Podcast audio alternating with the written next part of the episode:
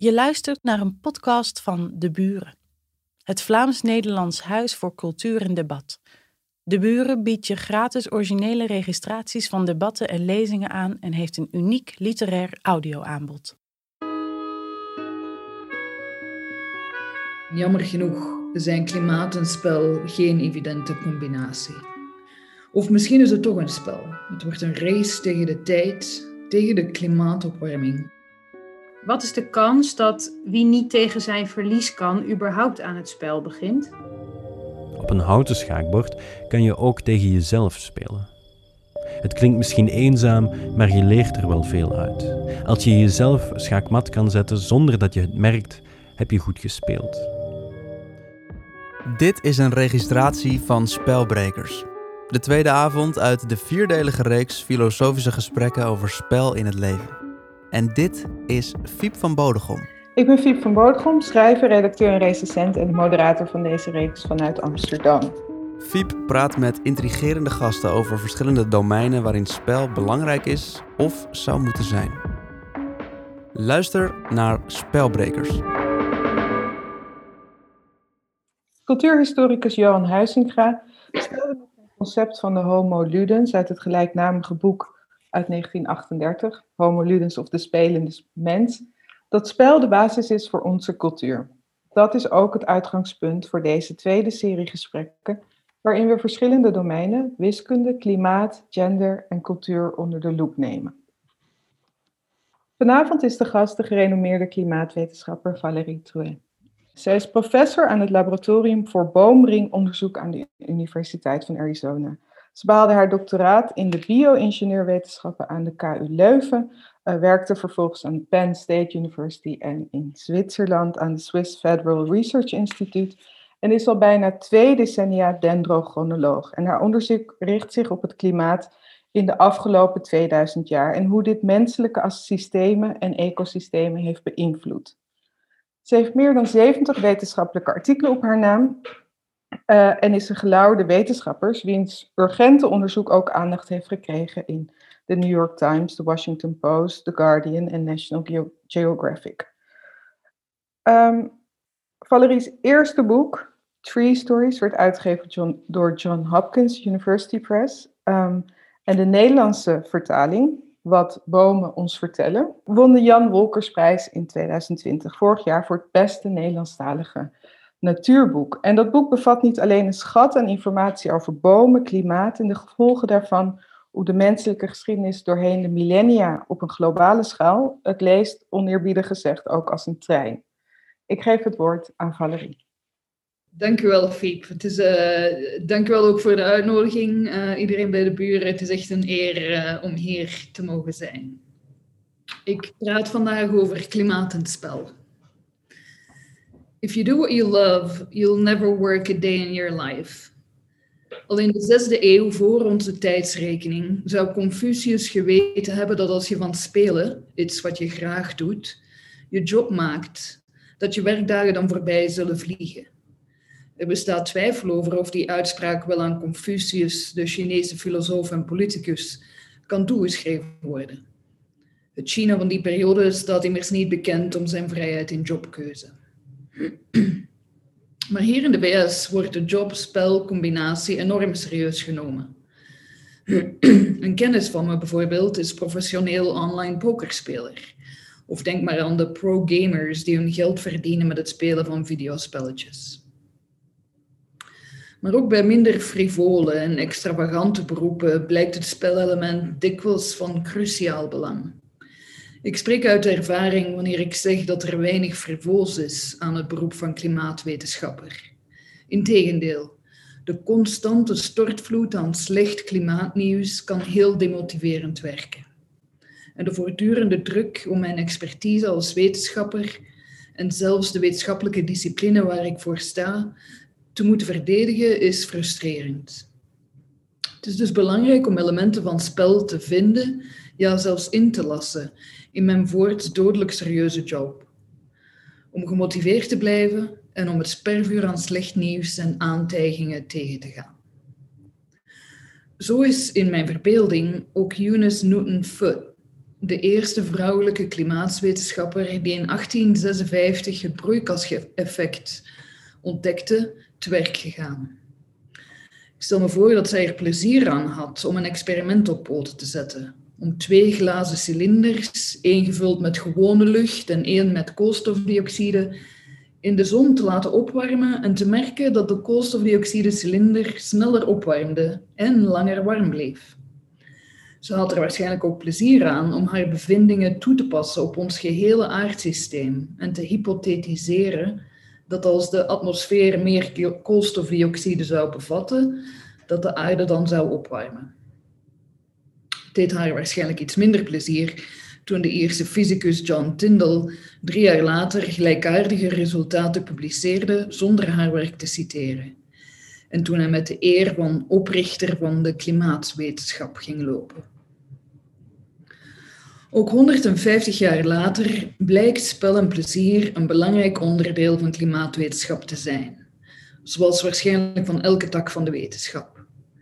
In de dendrochronologie, het vakgebied waarin ik jaringen in bomen gebruik om het klimaat van het verleden te bestuderen, komt spel voortdurend aan bod.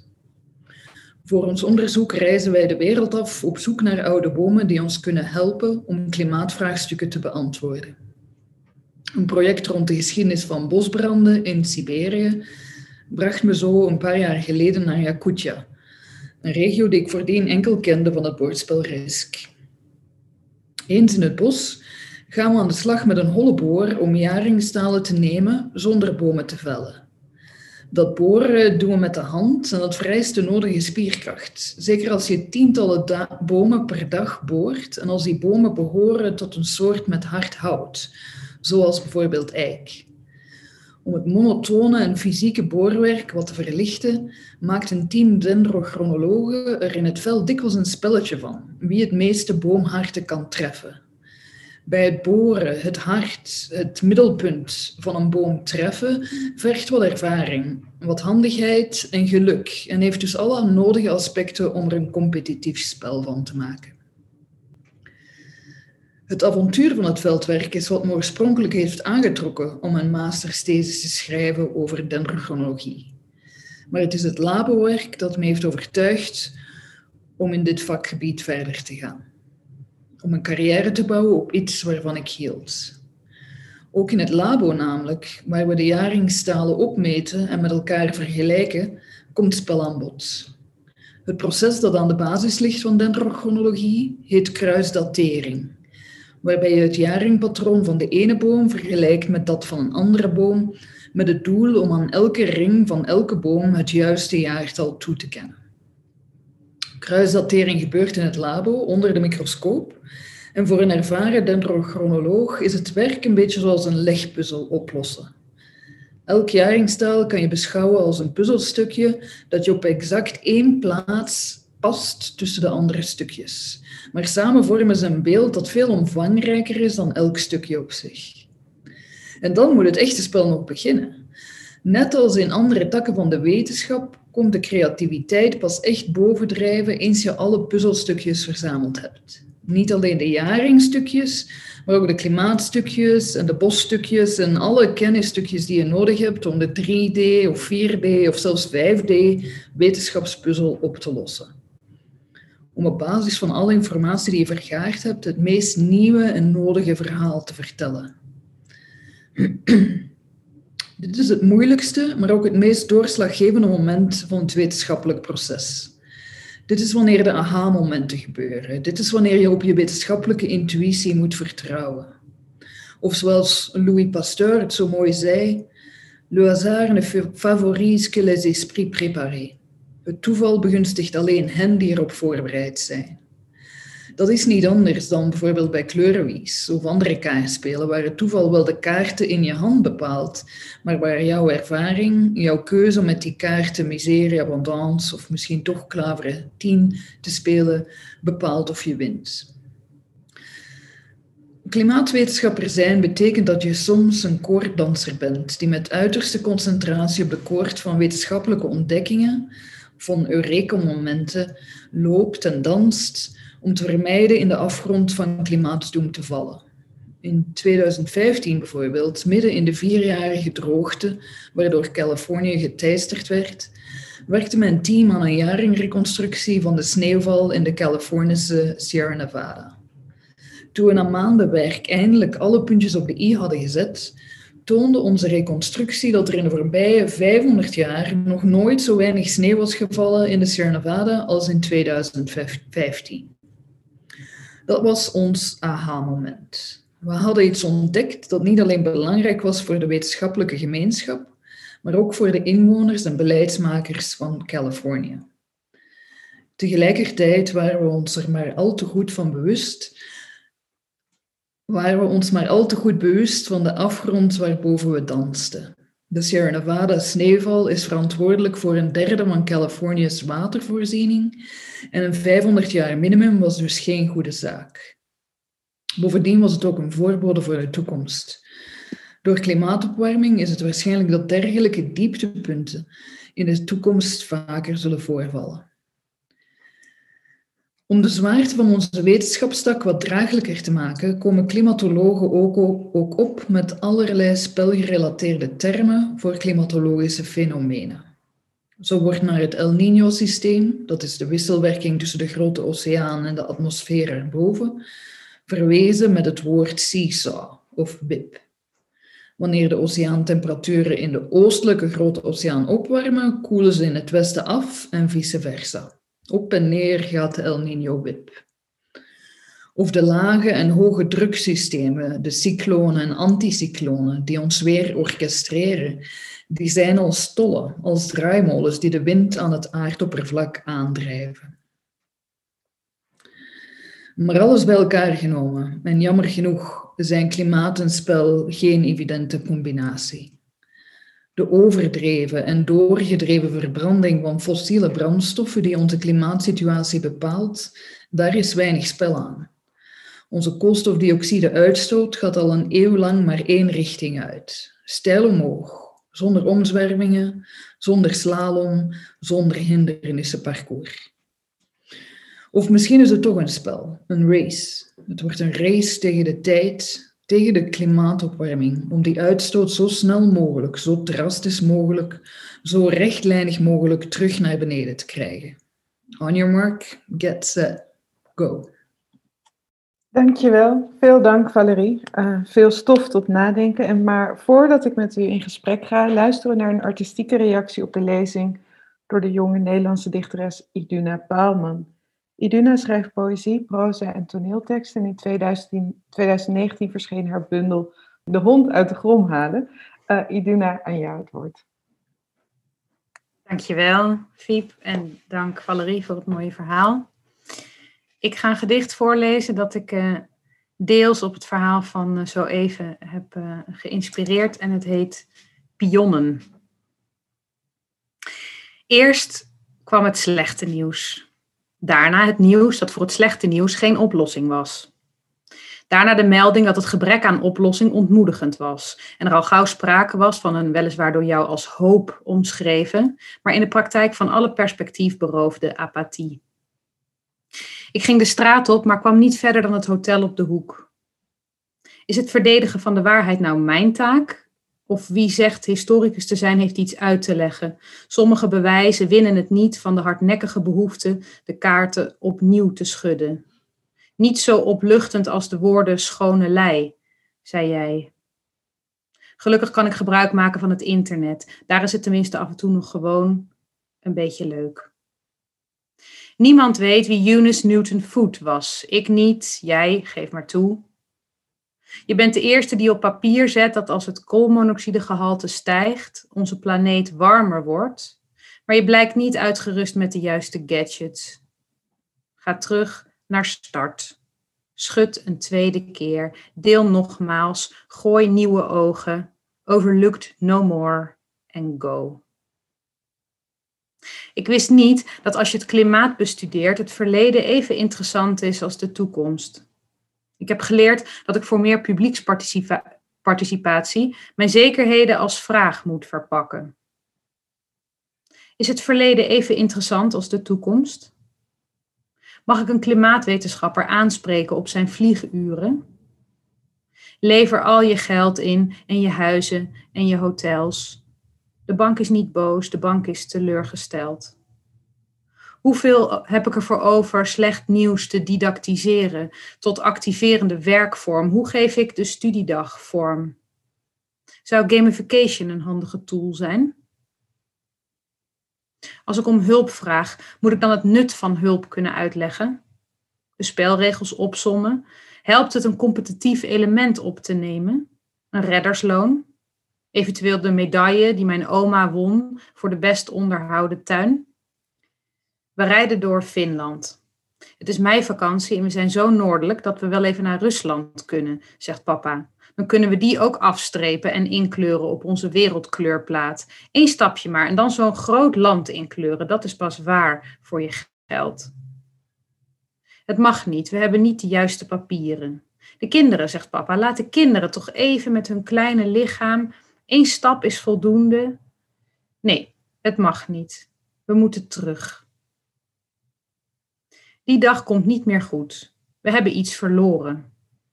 Iets dat al van ons was. De oneerlijkheid treft ons genadig. Hoezo mogen we ergens niet zijn? Hoezo is een land onbereikbaar? Hoezo zijn daar regels voor die ons tegenwerken? Het is ook strikt noodzakelijk overal een spel van te maken, dat begrijp ik wel. Ik wil anders niet meedoen. Ik voel mij anders ontredderd. Wat troost is de Gameboy op de achterbank, het afleidende geluidje van het staafje dat precies tussen mijn andere staafjes past. In de Sierra Nevada viel 500 jaar lang niet zo weinig sneeuw als in 2015. Het gaf niet. Oma leefde een jaartje langer omdat ze het niet koud had, geen griepje kreeg. We hebben nog een mooi seizoen met haar beleefd. Wat is de kans dat wie niet tegen zijn verlies kan, überhaupt aan het spel begint? Waar liggen alle pionnen opgeslagen die het speelveld niet betraden, geen zin hadden? Ik doe niet meer mee.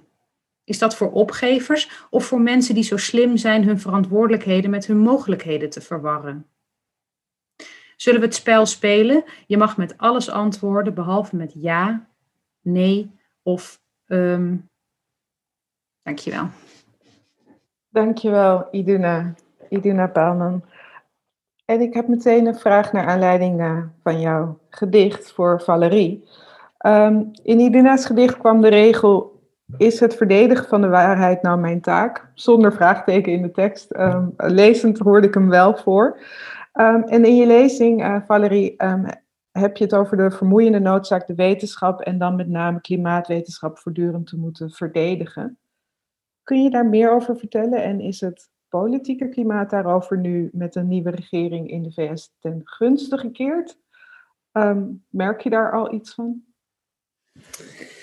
Uh, ik, ik, merk het vooral in mijn gemoed. Uh, dat, uh, en dat is dan vooral als, als burger. Eh, dat, dat het politieke klimaat in de Verenigde Staten ook klimaatsgewijs echt een, een, een sea change heet dat hier, een, een, gigantische omwenteling heeft gemaakt.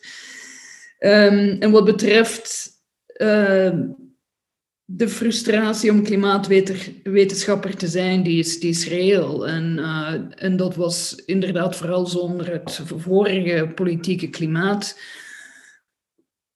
waar het toch vooral erom ging dat, dat eh, de, de wetenschappelijke feiten die wij aanbrengen, dat zijn geen ideeën, dat zijn geen suggesties. Het gaat over, over eh, ik had het over Eunice uh, Foot, die 150 jaar geleden al heeft aangetoond hè, de effecten van, van een broeikasgas. Dat zijn ook fysische wetten.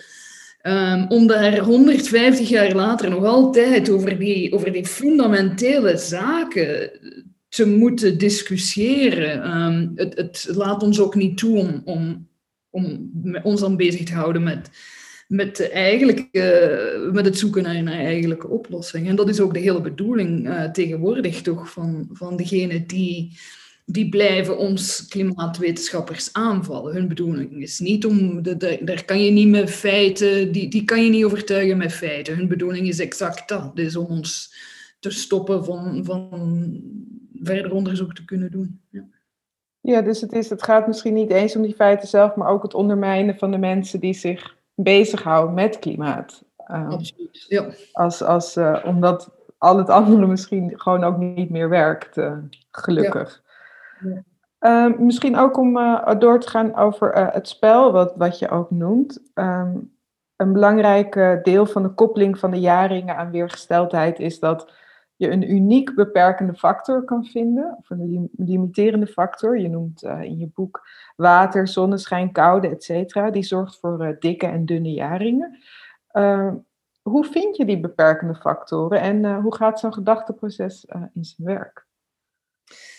Ja, goede vraag. De, de, de basisidee is dat um, dus, dus bomen vormen elk jaar een ring.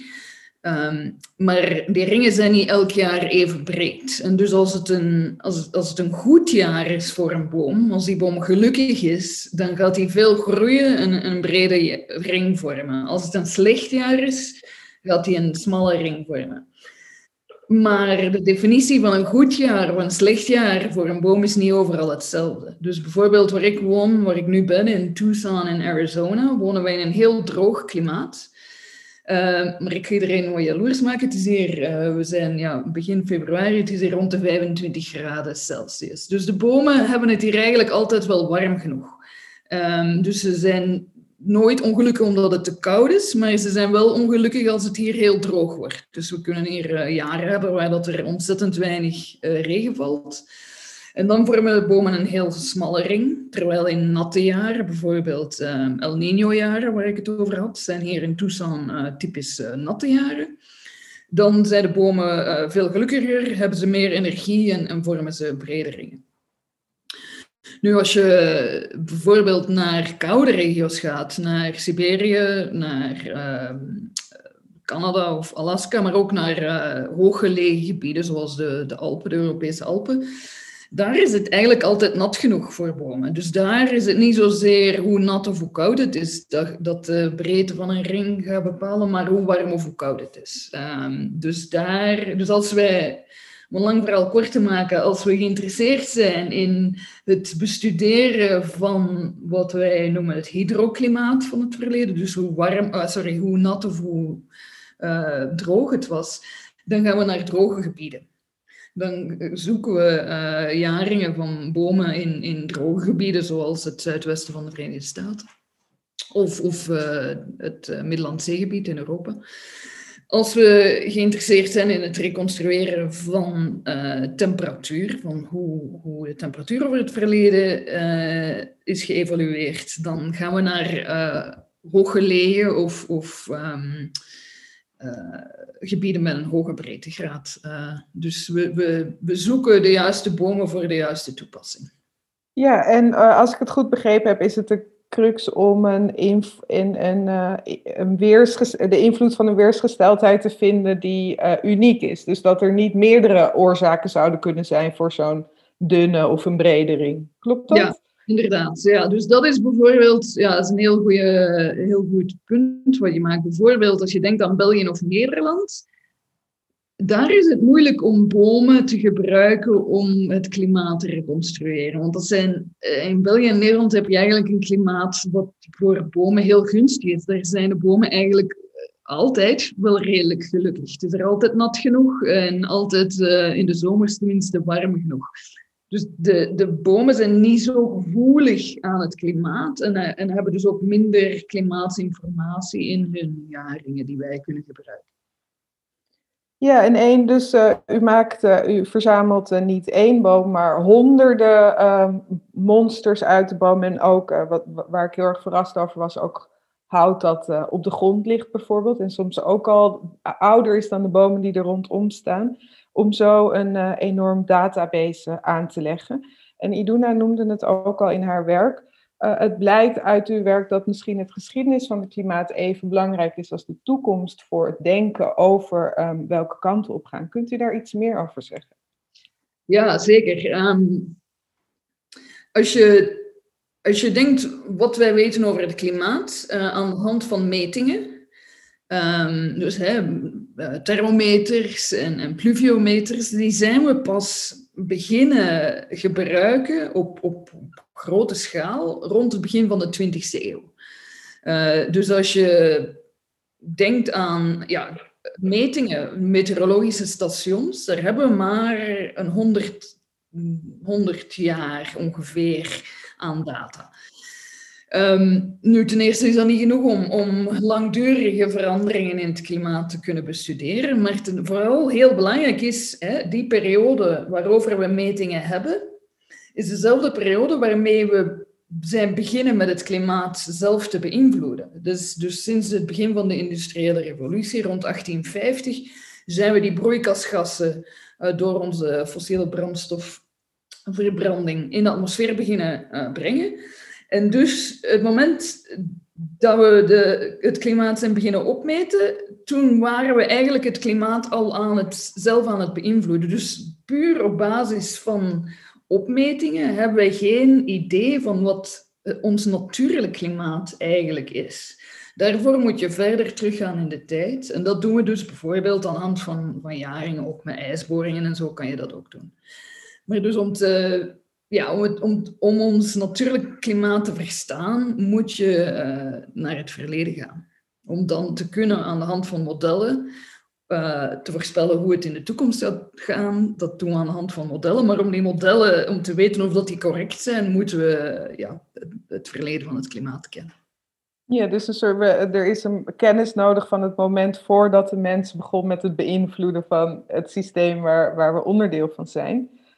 Um, en een van um, een cruciaal onderdeel van elke ontdekking uh, die u noemt in, uh, als wetenschapper, maar ook in dit vakgebied, is het herkennen van een verband of een, uh, een patroon tussen verschijnselen die voorheen nog niet met elkaar in verband zijn gebracht. En u noemt fascinerende voorbeelden van, als ik goed heb, van koraalriffen, inderdaad ijskernen, um, stalactieten, allerlei elementen waar jaarlijks uh, afzetting plaatsvindt, kunnen gebruikt worden voor zo'n archief, voor het samenstellen van zo'n archief. Maar hoe train je wetenschappers in het vermogen om um, dit allemaal bij elkaar te brengen? Want ik denk, ik heb de indruk dat wetenschappers steeds meer specialisten zijn. Dus hoe, hoe stimuleer je dit? Hoe train je dit? Hoe doet je dat? Ja, heel goede vraag. Het is een vraag waar ik zelf nog altijd naar op zoek ben. Um, de, het is een beetje gelijkaardig, denk ik. In die zin is, is wetenschap niet zo verschillend van de kunsten, waar creativiteit en, en intuïtie toch een, heel belangrijke rol spelen. Maar hoe train je iemand daarop? Um, ik denk dat, uh, dat ik daar kan verwijzen naar de, de quote van Louis Pasteur, die ik zei, waar, waar er komt veel toeval bij kijken. Maar je moet, voor, je moet goed voorbereid zijn om dat toeval in, in een ontdekking te kunnen, uh, om dat te herkennen en te kunnen, um, om de intuïtie te hebben om, om dat toeval te herkennen en, en in, het, in het belangrijkste kunnen om, omdraaien. Um, en dus ja, een brede, brede training en, training in, veel gebieden. Um, dat is het beste wat we kunnen doen om, om onze studenten en toekomstige wetenschappers uh, goed voor te bereiden. En, je, je, hebt gelijk, de, de specialisatie. Uh, wetenschappers worden typisch uh, alsmaar meer en meer gespecialiseerd. Um, maar de beste wetenschappers die ik ken, die, die lezen heel breed. Um, je, moet niet, je moet niet overal evenveel kennis van hebben. Um, maar van veel dingen een beetje kennis hebben helpt. Ja. Ja, ik, moest, ik moet ook denken aan, u noemt uh, twee expedities die beginnen omdat uh, iemand tijdens een kampeertrip uh, bomen in de verte had gezien die veelbelovend waren. Ja. Dus op een heel, altijd met hun werk bezig, maar zelfs op vakantie zien ze ergens in de verte potentiële goede bomen. en ook later vertelt u een verhaal van een, een grote ontdekking die begint aan de bar na een conferentie. Misschien uh, is dat ook een mooie om te vertellen hoe die lijnen daar bij elkaar komen. Ja, ik denk dat dat, dat is denk ik een, een heel goed voorbeeld van, van het... Um, nu, nu, dendrochronologie leent zich ook tot het leggen van die verbanden. Want, want ik bestudeer um, jaringen in de eerste plaats om het klimaat van het verleden te bestuderen. Uh, dat is een van de drie belangrijke toepassingen van, van de dendrochronologie. Een andere toepassing is ecologie, dus om, bossen van het verleden te bestuderen. En dan de derde belangrijke toepassing is in de archeologie en de kunstwetenschap. waar we dendrochronologie niet gebruiken in levende bomen, maar in, ja, in, in hout, in materiaal, ofwel archeologisch hout of, of kunsthistorisch hout. Dus om de vier jaar hebben wij een wereldcongres, um, een dendrochronologisch wereldcongres, waar archeologen, ecologen en, en um, klimatologen allemaal samenkomen. En um, tiental jaar geleden was dat congres in Tucson, waar, ik woon. En na, ik denk de laatste avond van het congres, uh, waren we op café, op, de, uh, op café met een, een, een ja, we waren met drie dendrochronologen een, pintje aan het drinken aan het toog. En één, ik was één van de drie. Mijn collega Grant Harley uh, was mij aan het vertellen hoe hij uh, jaringen gebruikt in bomen van, uh, van de Florida Keys. Dat is zo de eilandengroep ten zuiden van, van Florida, waar heel veel orkanen waar de bomen onderhevig zijn aan orkaanactiviteit. En, zo, en dus was hij aan het vertellen hoe hij op zoek was om uh, bomen van die Florida Keys te kunnen gebruiken om orkaanactiviteit uh, te reconstrueren in het verleden. En dan de derde persoon uh, aan de toog was mijn collega Marta Dominguez del Mas, die nu aan, aan de Universiteit van Amsterdam werkt. En zij is kunsthistorica. Um, en ze doet ook archeologie, archeologisch onderzoek. En uh, ze heeft de coolste job ooit. Uh, dus een van haar specialiteiten is uh. Dus zij duikt naar scheepswrakken, um, haalt daar dan het hout van, van die oude schepen naar boven. En bestudeert de hout dendrochronologisch, dendrochronologisch, enerzijds om die scheepswrakken te kunnen dateren en anderzijds ook te zien waar het hout vandaan kwam enzovoort. Dus zij was aan het vertellen over haar onderzoek naar scheepswrakken. Um, en Grant was aan het vertellen over zijn onderzoek naar orkanen. En tijdens dat gesprek kwam naar boven, tja, er is, er is natuurlijk een link. Want uh, in het verleden um, de Spaanse scheepswrakken die, die in de buurt van de Caribië, uh, Caribbean, Cari, Cari, Cari, hoe zeg je Caribbean in het Nederlands? Caribbean? Cariben? Ik weet het. Daar, uh, die daar gevonden zijn. Um, ja, veel van die scheepswrakken uh, werden veroorzaakt door uh, orkanen. Um, en dus kwam de idee om te zien of we niet alleen die bomen van um, de Florida Keys, maar ook uh, de chronologie aan scheepswrakken konden gebruiken om het verleden van orkanen te bestuderen.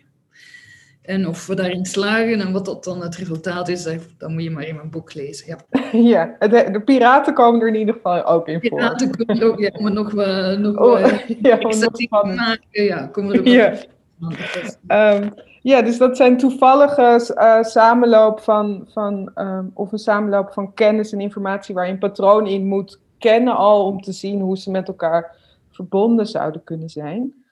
Misschien een, uh, een ander uh, punt. Um, u noemde in uw, uh, in uw verhaal de wetenschapper Eunice Newton Foot. En ik, en ik vroeg me af, een, enigszins een, een, ook een, lijn in uw boek is misschien de weerstand die vrouwen op allerlei gebied ondervinden als uh, wetenschapper. Ze moeten beter hun best doen voor dezelfde werkomstandigheden en vaak worden misschien ook, een, uh, ook revolutionaire uh, resultaten niet erkend. En ik vroeg me af, ziet u daar een verschuiving in? Is, het, is dat iets waar u optimistisch bent als u naar uw eigen studenten kijkt of juist niet? Um, als ik uh, mijn situatie vergelijk met die van Eunice Newton Foot, of, of misschien ken je ook die, ja, uh, er is een, een heel een historische foto van Marie Curie, begin van de 20e eeuw, waar zij tussen Einstein en, en, niks dan, 30 niks dan mannen uh, als enige vrouw zit. Zij, is ook de Nobelprijs, is daar een paar keer niet gegund, of zelfs na, wat mijn situatie is een stuk beter dan, dan die van 100 of 150 jaar geleden. Maar ik moet toegeven dat, zoals, zoals je zei, ik, ben ja, ik heb mijn doctoraat in 2004 gehaald, dus nu bijna 20 jaar geleden. Toen had ik gedacht dat we een stuk verder zouden staan dan waar we nu staan. Dus de voorbije twintig jaar heb ik verdacht weinig vooruitgang gezien.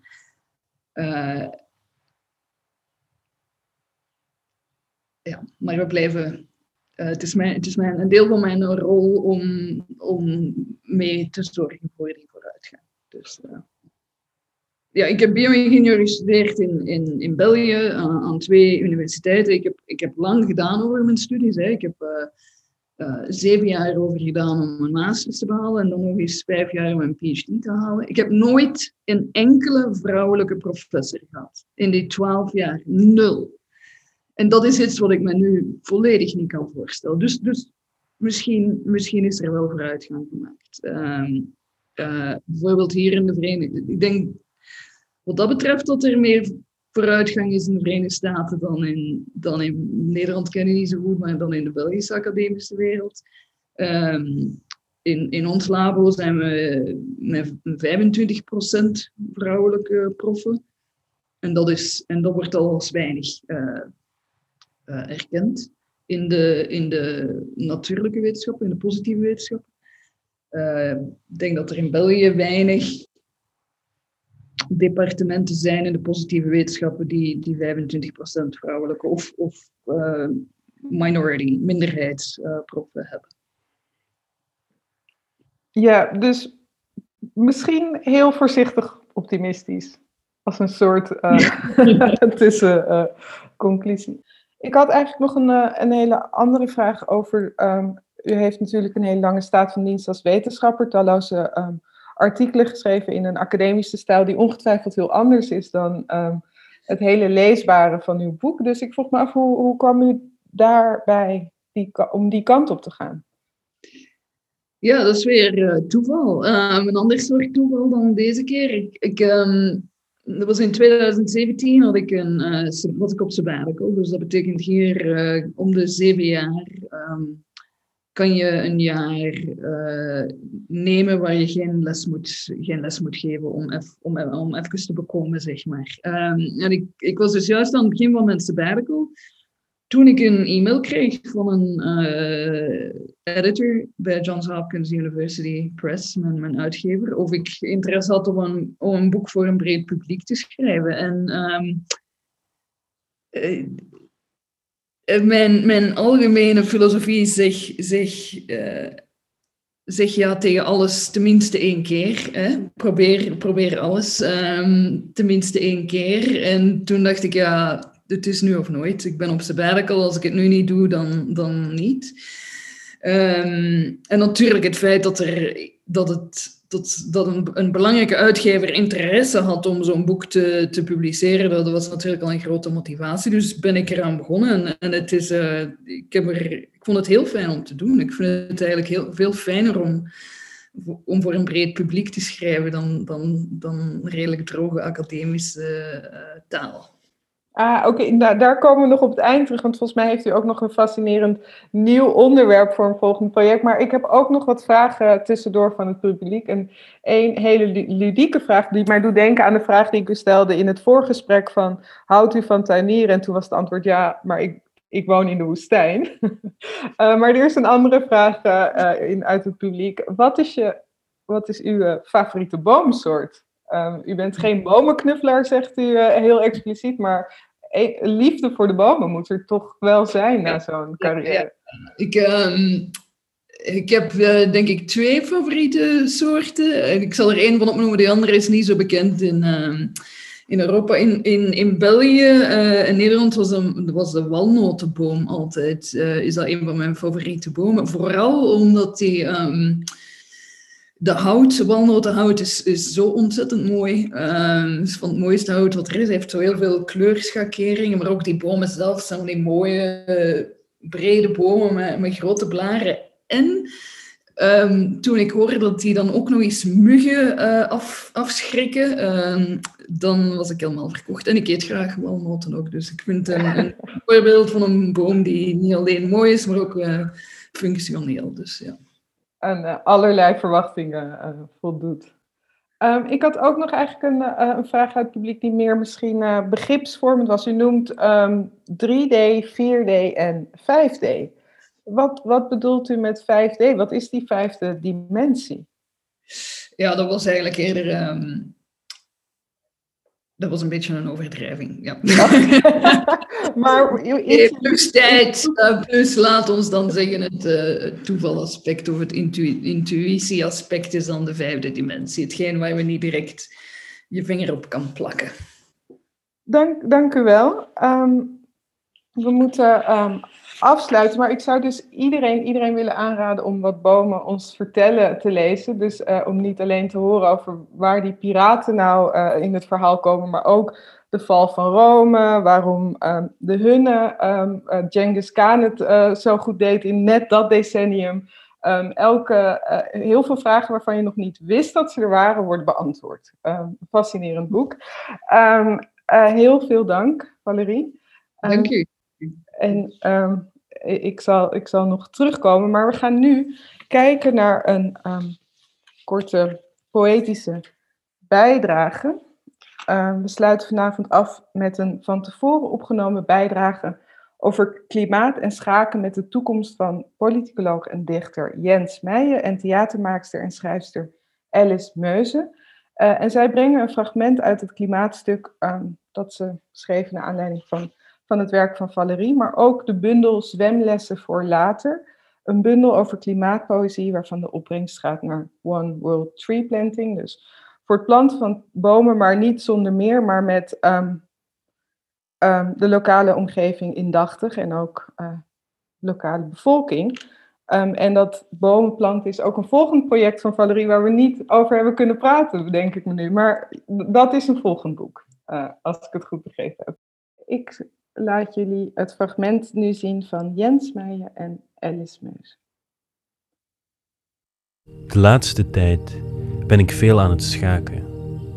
Het schaakbord en de stukken die we hier thuis hebben staan zijn geërfd van mijn grootouders. Het zijn oude stukken die hier en daar versleten zijn, geërodeerd. De manen van de paarden zijn bijvoorbeeld eerder bulten geworden.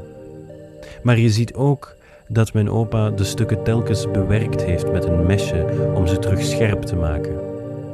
Zo kan je blijven doorgaan met dezelfde schaakzet, lijkt het. Al moet op een gegeven moment het hout gewoon op zijn. Maar zover is het dus nooit gekomen.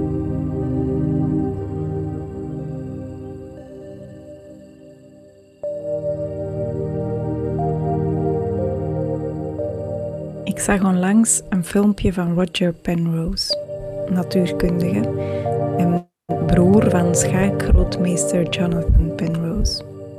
Roger Penrose kreeg in 2020 de Nobelprijs voor zijn onderzoek naar zwarte gaten. Het filmpje gaat niet over zwarte gaten, maar over schaken. Hij legt uit hoe hij een programma heeft ontwikkeld om tegen een computer te schaken en dat in bepaalde situaties iets geks gebeurt. In bepaalde opstellingen zien schaakgrootmeesters meteen dat het remise is, gelijkspel. Het spel kan niet meer in het voordeel van de een of de ander worden beslecht een padstelling. Niemand wint. De stukken kunnen enkel nog herzet worden. Maar de schaakcomputer ziet dat niet die blijft berekenen en nieuwe zetten uitvoeren in de overtuiging dat het mogelijk moet zijn om te winnen. En uiteindelijk maakt het systeem een cruciale fout. De computer offert bijvoorbeeld de loper op en plots eindigt het spel niet met een padstelling, maar met schaakmat. De mens wint. Voor intelligentie, zegt Penrose, is begrip en inzicht nodig. Intelligentie is onder ogen durven zien. Hoe je ervoor staat.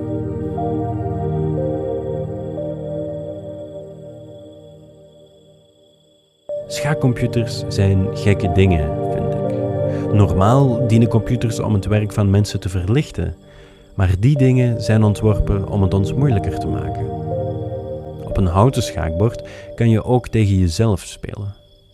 Het klinkt misschien eenzaam, maar je leert er wel veel uit. Als je jezelf schaakmat kan zetten zonder dat je het merkt, heb je goed gespeeld. Soms denk ik eraan om de stukken door te snijden en te kijken of er misschien jaarringen in zitten. Alsof het hele stukjes boom zijn, perfect in deze vorm gesneden. Eigenlijk triest dat een boom zoveel jaren kan leven om dan te eindigen als pion in een schaakspel. Nee, je ziet het verkeerd.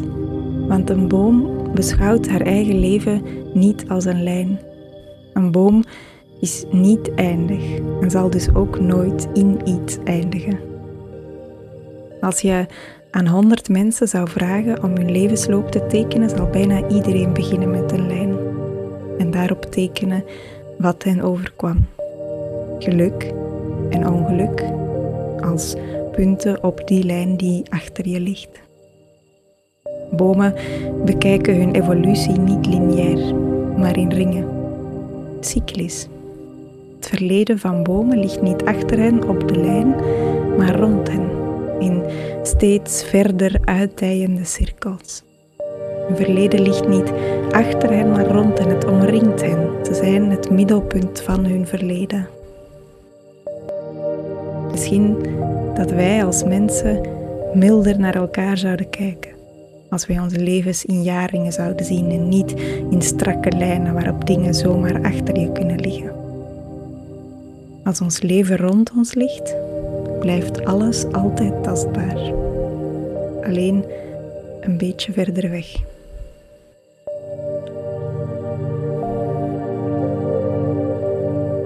Ik vraag me af hoe een boom zou schaken. Er is niets belangrijker dan de toekomst op een schaakbord, zei mijn opa altijd. Je moet telkens tien stappen vooruit denken. Als je de zet zelf al kan bedenken, zit je nog niet ver genoeg in de toekomst. Steeds verder vooruit gaan dus. Seconden vooruit, minuten vooruit, uren vooruit, jaren, zelfs eeuwen vooruit.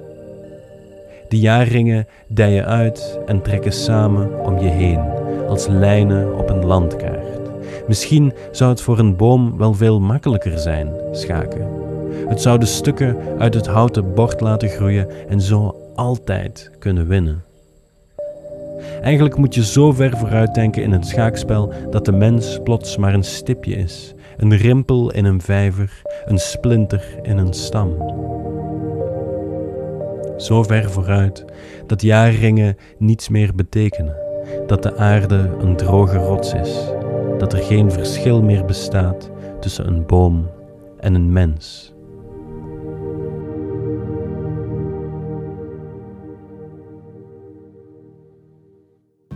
Dank, heel veel dank aan uh, alle sprekers. Ik zit nog steeds te denken over hoe we zo ver vooruit moeten denken dat er geen verschil is meer tussen een boom en een mens.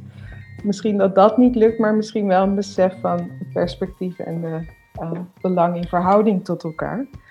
Ik wil um, heel hartelijk bedanken Valerie Trouet, Idina Paalman, Jens Meij en Alice Meuzen voor deze hele mooie bijdrages. Ik hoop dat jullie evenveel plezier hebben gehad als ik vanavond. In de volgende Spelbrekers podcast van de buren gaat Fiep van Bodegom in gesprek met ondernemer en gender-expert Koutar Darmoni. Dan gaat het over gender en spel.